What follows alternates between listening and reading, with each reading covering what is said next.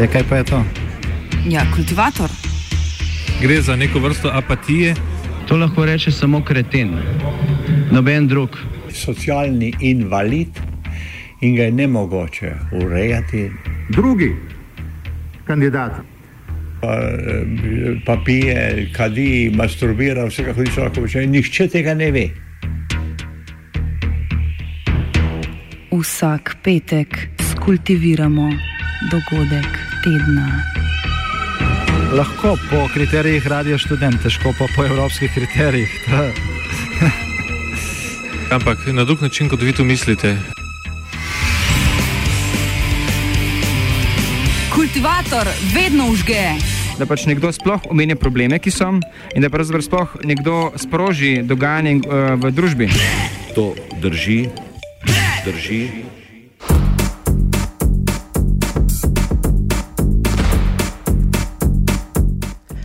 V dneh prazničnega slavljenja rojstva domovine in potem, ko so se polegli prvi kritični odzivi, se je precej neopazno mimo oči širše javnosti iztekel prvi del javne obravnave zakona o dopolnitvah in spremembah zakona o medijih. Številni kritiki predlagane prevetritve medijske zakonodaje, ki, kot bomo slišali v današnjem kultivatorju, ponujajo le nekatere slabo premišljene parcialne rešitve, namreč od pristojnega ministrstva za kulturo zahtevajo, da pripravi zakon, ki bo celovitejše dorekel medijsko področje, kar naj bi upoštevalo tudi ministrstvo. Zakon dodelalo in ga ponovno poslalo v javno presojo.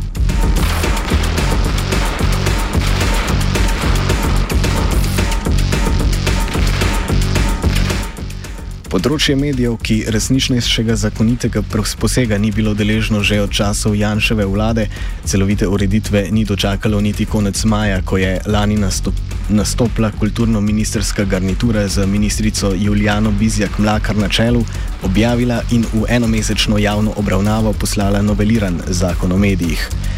A namesto, da bi se ta osredotočal na bistvene probleme, ki zadevajo medije in novinarje v Sloveniji, v Društvu novinarjev Slovenije, krajše DNS, ugotavljajo, da ta prinaša samo delne in neprioritetne rešitve. Generalna sekretarka DNS Špela Stare to novelo ocenili kot neambiciozno in uh, neprioritetno spreminjanje zakona o medijih, ker smo prepričani, da, bist, da, da bi bilo treba v bistvu zakon o medijih uh, prenoviti v vseh segmentih korenito, mogoče celo napisati popolnoma nov zakon. Uh, in uh, tudi ne razumemo, zakaj je v bistvu Ministrstvo za kulturo izbralo ravno te vsebine in ne kjerih drugih. Ne. V zadnjih mestih smo bili priča uh, spet lastniš, menjavam lastništev v osrednjih slovenskih častnikih, pa naprimer se te. te te vseb, tega vsebinskega področja ministrstvo sploh ni lotlo.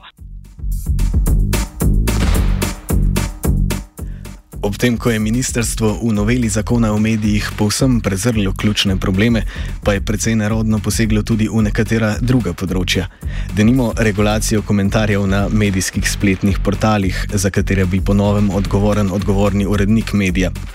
Ta bi moral po črki predlaganega zakona bdeti nad žaljivimi in neprimernimi komentarji, v nasprotnem primeru pa bi ga čakala visoka finančna globa. V Društvu novinarjev Slovenije se sicer strinjajo, da je treba urediti to področje, a na predlagane rešitve ne pristajajo, ter menijo, da bi pri tem večjo odgovornost moral nositi založnik oziroma izdajatelj medija. Smo predlagali uh, v zvezi z um, regulacijo komentarjev na pač poslušalcev, gledalcev in uh, bralcev. Uh, smo mnenja na društvu, da je regulacija potrebna.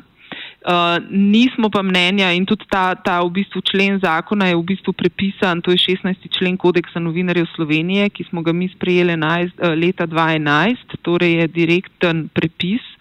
Uh, nismo pa zato, da bi uh, za v bistvu oblikovanje teh pravil in potem tudi za umik pravočasen teh pravil bi odgovoren odgovorni urednik. Menimo, da je to naloga izdajatelja, ki more zagotoviti uh, tehnične in kadrovske in vse ostale možnosti za to, da uh, bi se, ta, se, se, se to pregledovanje pač ustrezno izvaja.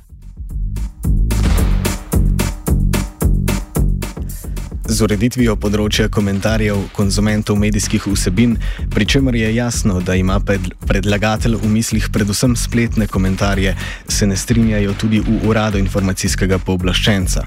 Po mnenju informacijske pooblaščenke Mojce Prelesnik gre za prekomeren in neživljenski ukrep.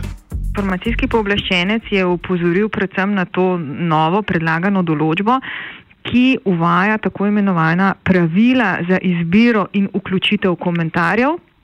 In po našem trdnem prepričanju to vključuje vnaprejšnje preverjanje vsakega konkretnega, vsakega posameznega komentarja pred vključitvijo na spletno stran. Um, mi smo na trdnem stališču, da je to prekomeren poseg v, v svobodo izražanja predvsem je pa uh, določba neživljenska. Skratka, če medij ne bi, um, bom rekla, uh, izdal tako imenovanih pravil oziroma ne bi uh, vnaprej um, prefiltriral uh, oziroma pregledal vseh uh, potencijalnih um, komentarjev, bi ga lahko doletela globa od 500 do 5000 evrov.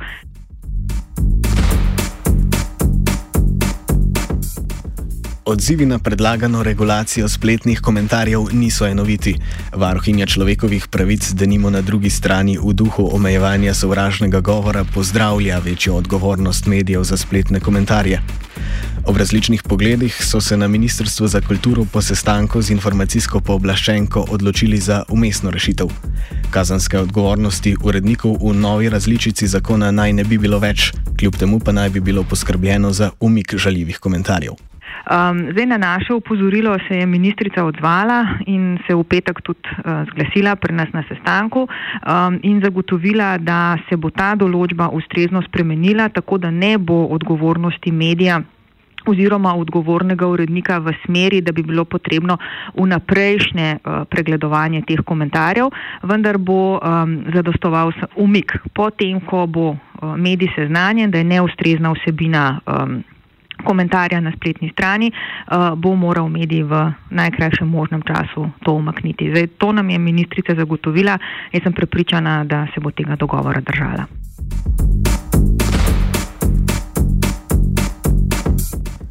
Sporni 108. člen, ki uvaja odgovornost medijev na področju komentarjev in s tem povezan inšpektorski nadzor, je razburil tudi Združenje izdajateljev radijskih in televizijskih programov pri gospodarski zbornici in interesno združenje radiofuznih televizij in radijskih medijev. Zaradi tega in predvsem zaradi neodzivnosti ministrice Bizjak Mlakar na pripombe so slednje. Do prvega srečanja z njo celo pozivali k odstopu predsednik interesnega združenja radiodifuznih televizij in radijskih medijev ter radijski monopolist Leo Oblak. Uh, največja težava, ki je razburila vse medije, je novi 108. člen, ki uvaja na nek način verbalni delikt na področju medijev. To pomeni, da ponovim, če boste imeli v programu vsebino, ki bo šteta za politično nestrpnost, ali pa boste imeli napačen komentar, lahko pride inšpektor, ugasne medij, zapleni opremo in vso dokumentacijo. To pomeni, da ponovem bo lahko inšpektor brskal po računalnikih in dokumentaciji od novinarjev. In to je največja oblika cenzure, kar smo jo, bi rekel, v zadnjih 20 letih videli v enem zakonu. In to je uh. ključni problem.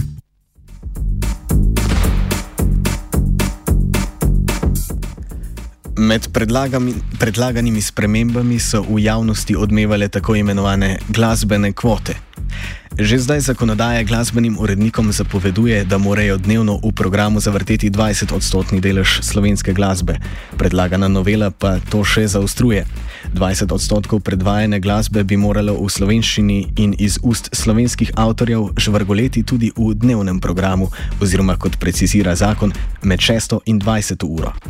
Kritičen opazovalec domače glasbene scene in politike na tem področju in seveda sodelavec RŠV glasbene redakcije Džizah. Jaz mislim, da kvote so dejansko nekaj najbolj nedemokratičnega, neka uravnilovka iz nekih drugih časov, ki te sili nekaj, kar ti ne bi hotel poslušati. Zdaj, če, če bi te ljudje iz teh ministrstv to radi skrbeli za slovensko kulturo, bi raje pritisnili na vse pristojne organe, mestne občine, da njihovi mladinski centri funkcionirajo, da imajo pač bende domače, tok in tok, ali ne vem, karkoli, ne pa da se spravljajo na neke medije, ki na vse zadnje so bodi si odvisni od trga, komercialni, bodi si so pač nacionalni, ampak če hočejo neko sporočilo naprej predati kot nacionalni mediji, um, seveda tem, da boš šuti proti nekemu toku tega, kar ljudi hočejo poslušati, uh, tega ne boš mogel narediti, ker je pač izobraževalna funkcija tako majhna. Logično vprašanje, ki se postavlja že vse čas prisotnosti kvot, je, kaj je slovenska glasba? Omenjeni predlagani medijski zakon jo povsem nesmiselno definira z besedili v slovenščini, oziroma ukolikor le tehni slovenskim avtorjem. Jaz mislim, da je to pač čisti fašizem, glasbeni fašizem, kako koli. A prvo, pač, kakšna glasba je slovenska, kaj je, a je rock, a je blues ali je jazz. Jaz slovenske glasbe ne poznam, je samo glasba, ki jo delajo lahko slovenski izvajalci in zdaj pa če pa ti te opredeljuješ na neki jezik ali pa še na neki, je pa sploh ogromno enih nesmislov vmes nastaja. Če ne si ne predstavljam, da zdaj bojo delili avsenike, ta komat je narejen v nemščini in to ni um, slovenski komat. Ta komat od Lajbahov iz slovenske kropole je slovenski, vsi ostali pa niso. Ne vem, Antoko, ko izda slovensko plato, je slovenc, uh, drugač pa ni. Ne, zakaj pol se vse zadnje zbirajo? Vse te stvari, ne vem, na Eurosong pošiljajo angliška besedila, ne, mislim, ki predstavlja našo državo. Ne razumem tega zakona in zdi se mi pač brezpredmeten, neumen in totalno nepremišljen. Eh, oziroma zlobiran strani nekaterih po možnosti upokojenih, bolj kot ne glasbenikov. Zaostritev politike na področju glasbenih kvot, s katerimi naj bi kvazi pripomogli k ohranjanju domače glasbe, predlagatelji novelirane medijske zakonodaje opravičujejo s primeri iz tujine. Toda, kot pojasnjuje Džizah, je držav, ki bi na ta način posegale v glasbeno uredniško politiko medijev, malo. Slovenijo so težko primerljive, na drugi pa nekateri primeri kažejo, da se je poslušanost domače glasbe dvignila z umaknitvijo glasbenih kvot. To je vrhunski natek. Jaz, kot sem spremljal te kvote do par let nazaj, so imeli kvote v Evropi samo francozi mogoče nekem mestoma še Portugalcem, ampak v Francozih govorimo to, da imajo seveda za glasbo celo kulturno politiko, da bendi tok in tok nastopov morajo imeti tok in tok nastopov v tujini. Um, ne vem zdaj, ali govorijo o, o, o glasbi v francoskem jeziku ali kako oni to opredelijo, seveda zraven so imeli pa um, v nekih drugih časih še pol Afrike pod Francijo in tako naprej, Portugalska pa pač mislim, da je imela pa neko to jezikovno kvoto dejansko ki je pa pač spet vezana na to, da, da tudi Brazilci govorijo portugalsko. No, vse zadnje, vem, da so imeli Nemci to kvoto in da ko so jo ukinili, se je več nemške glasbe začelo rolati, ker so pač albendi šli gledati komercialni, kaj hoče poslušalstvo, drugi pa tudi niso se več obremenjevali s tem, a nas bo zdaj sploh še kdo vrtel, ampak so začeli delati musko, kaj jo sami hočejo. Tako da ne vem, kje so oni najdel te kvote. Ne? Um, jaz jih v Angliji, v Ameriki, v Avstriji, v, ne vem, um, jih ne vidim nikjer, tudi v Srbiji, ne pa še kje druge. Če so se predlagatelji ob oblikovanju prenovljenega zakona o medijih imeli čas posvečati spletnim komentarjem in glasbenim kvotam, pa so ob poglavitnih področjih prezrli tudi nekatere slabe rešitve aktualnega zakona, na katere že vrsto let opozarjajo novinari. Ena izmed njih je pravica do popravka, s katero imajo medijsko obravnavani možnost na široko reagirati z objavo svojih stališč. Špela Stare iz Društva novinarjev Slovenije. V bistvu se ta zakon samo e, v, eni, v, eni, v enem odstavku ureja, mislim, se, se spreminja ta regulacija popravka in to je samo, uh, v bistvu se u, usklajuje z uh, od, odločitvijo ustavnega sodišča, ki je reklo, da je pač tista določba neustavna glede samega roka.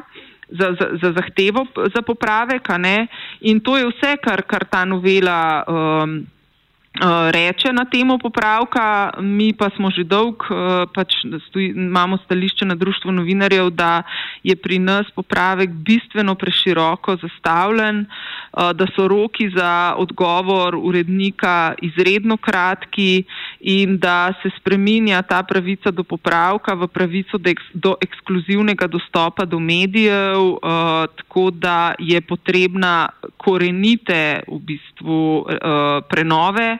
Eh, na novo je treba razmisliti o tej pravici in jo definirati na novo, predvsem, da bi eh, se omejila na zanikanje dejansko neresničnih eh, trditev v novinarskih prispevkih, ne pa tako široko, kot je zastavljena zdaj.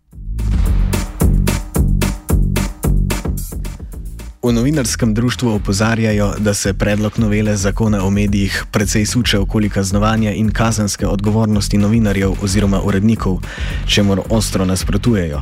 Ne nasprotujejo pa uvedbi novih kazni za odgovorne lastnike, ki pri imenovanju vodstva medijskih hiš ne poslušajo glasu uredništev, kar je sicer v Sloveniji precej čest pojav. Uh, smo pa za uvedbo nove globe, in sicer zato, da se uh, v bistvu izdajatelja, ki pred razrešitvijo ali imenovanjem odgovornega urednika ali pa pred spremembo programske zasnove, izdajatelja, ki ne pridobi um, mnenja uredništva, da se oglobi.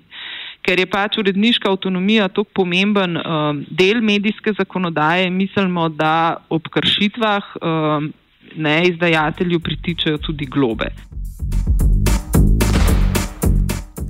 Ob vsem izpostavljenem, kar prinaša novela medijskega zakona, za katerega javna razprava se je iztekla minuli torek, je bore malo zaslediti o rešitvah za poglavitne težave domačega medijskega področja. Ti se začenjajo že pri osnovah, kot sta recimo definicija medijev, ki jo je v slovenski zakonodaji že povozil čas, in preizpraševanje javnega interesa. Špela stare teh področji, ki pa si bi, bi pa jih treba bilo nujno urediti, je pa praktično res celoten zakon. In začne se dejansko pri uh, definiciji medija, ne, ker že na upisu razvid, uh, ker ministrstvo tudi zdaj po nekem zelo čudnem kriteriju v bistvu upisuje medije v razvid in ni jasno, posebej mislim, vmes se je zgodila tehnološka sprememba, ne, um, vsi spletni portali, mislim, so zdaj ali je to potreba, ali so to mediji, do kere mere so mediji, ali so spletne strani političnih strank mediji, ali so vsi lokalni uh, časopisi oziroma spletni portali mediji, do kere mere jih regulirati. Um, To je, to, to je ogromno enih vprašanj. Tudi ponovno bi bilo treba definirati uh, javni interes, uh, potem dodeljevanje subvencij. Kot vemo, trenutno je še vedno v veljavi m, ta novela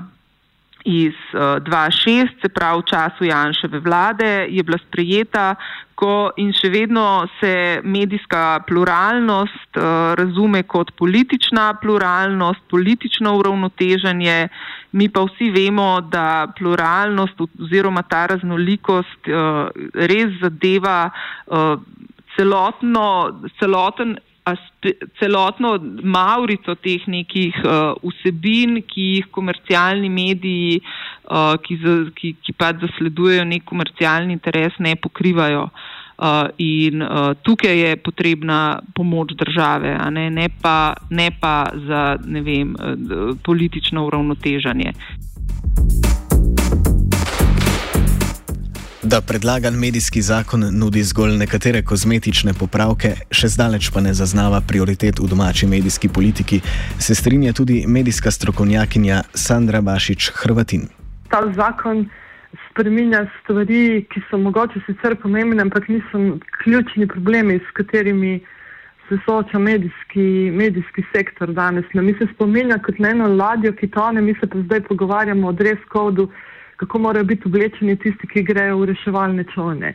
Nič ni narejeno glede transparentnosti medijskega lasništva, nič ni narejeno glede subvencioniranja in podpiranja tistih vsebin, ki naj bi bile dejansko v javnem interesu. Nič ni narejeno glede uh, tega, kaj naj bi bil ta javni interes. Uh, praktično je položen nacionalni program za kulturo, ki je bil sprejet dve leti nazaj in je postavil nekatere smernice, kaj naj bi bila uh, politika na tem področju. Tako da uh, ministrstvo s tem mogoče popravlja neke kozmetične napake, ampak ključni problemi se samo še poglabljajo. Zakaj so se pri preoblikovanju medijske zakonodaje osredotočili le na nekatere delne rešitve, zakaj kljub večletnim opozorilom strokovne javnosti niso pripravili celovitejših rešitev in še kaj, smo želeli vprašati tudi pristojno Ministrstvo za kulturo. Za telefonski komentar niso bili dosegljivi, so nam pa poslali telegrafski pisni odgovor. Verjetno je bilo krivo proslavljanje praznika državnosti, kar jim v nedržavotvornem duhu sicer malo težje odpustimo. Direktorat za medije obravnava prispele predloge, ki so bili posredovani na ministrstvo v času javne obravnave. Po proučitvi bo pripravljen osnutek predloga novele zakona, ki bo predstavljen javnosti. Veliko krat smo že javnost seznanili, da gre tokrat le za manjše spremembe zakona, hkrati pa se v skladu z resolucijo o nacionalnem programu 2014-2017 pripravlja na tem področju strategijo, na podlagi katere bodo možni večji posegi v medijsko zakonodajo.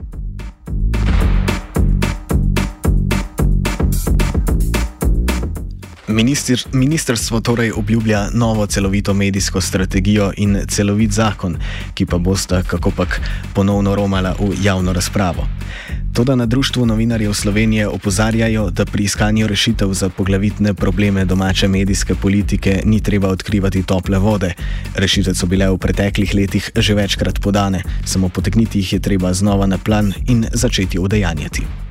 Naše stališče je, da smo te, ta krok tekli že nekajkrat in da ni nobene potrebe, da bi ga tekli ponovno, uh, da morajo na ministrstvu samo odpreti svoje umare, v katerih je ogromno uh, prispevkov vseh deležnikov, ne telemedijske panoge, uh, ki, že v, ki smo vsi že v preteklosti dajali svoje pripombe, svoje stališča. Uh, zato menimo, da bi moralo ministrstvo čim prej pač javnosti predstaviti nov predlog zakona. Ne?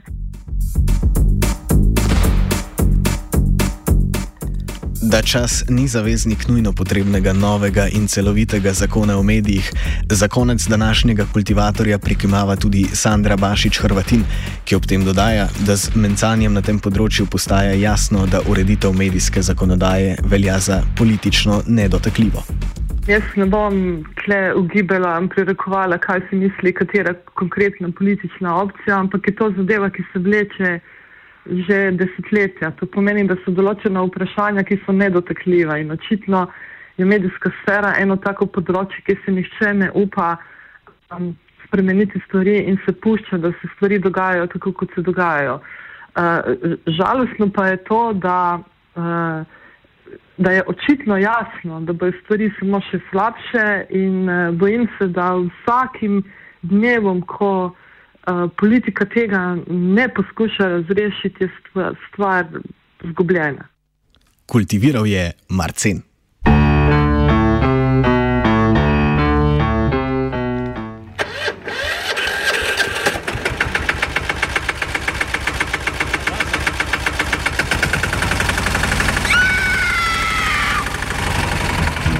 E, kaj pa je to? Ja, kultivator. Gre za neko vrsto apatije, To lahko reče samo kreten, noben drug. Socialni invalid in ga je ne mogoče urejati. Drugi kandidat. Pa, pa pije, kadi, masturbira, vse kako hoče lahko reči. Nihče tega ne ve. Vsak petek skultiviramo dogodek tedna lahko po kriterijih radio študent, težko pa po evropskih kriterijih. Ampak na drug način, kot vi to mislite. Kultivator vedno užge. Da pač nekdo sploh omenja probleme, ki so, in da pravzaprav sploh nekdo sproži dogajanje uh, v družbi. To drži, drži.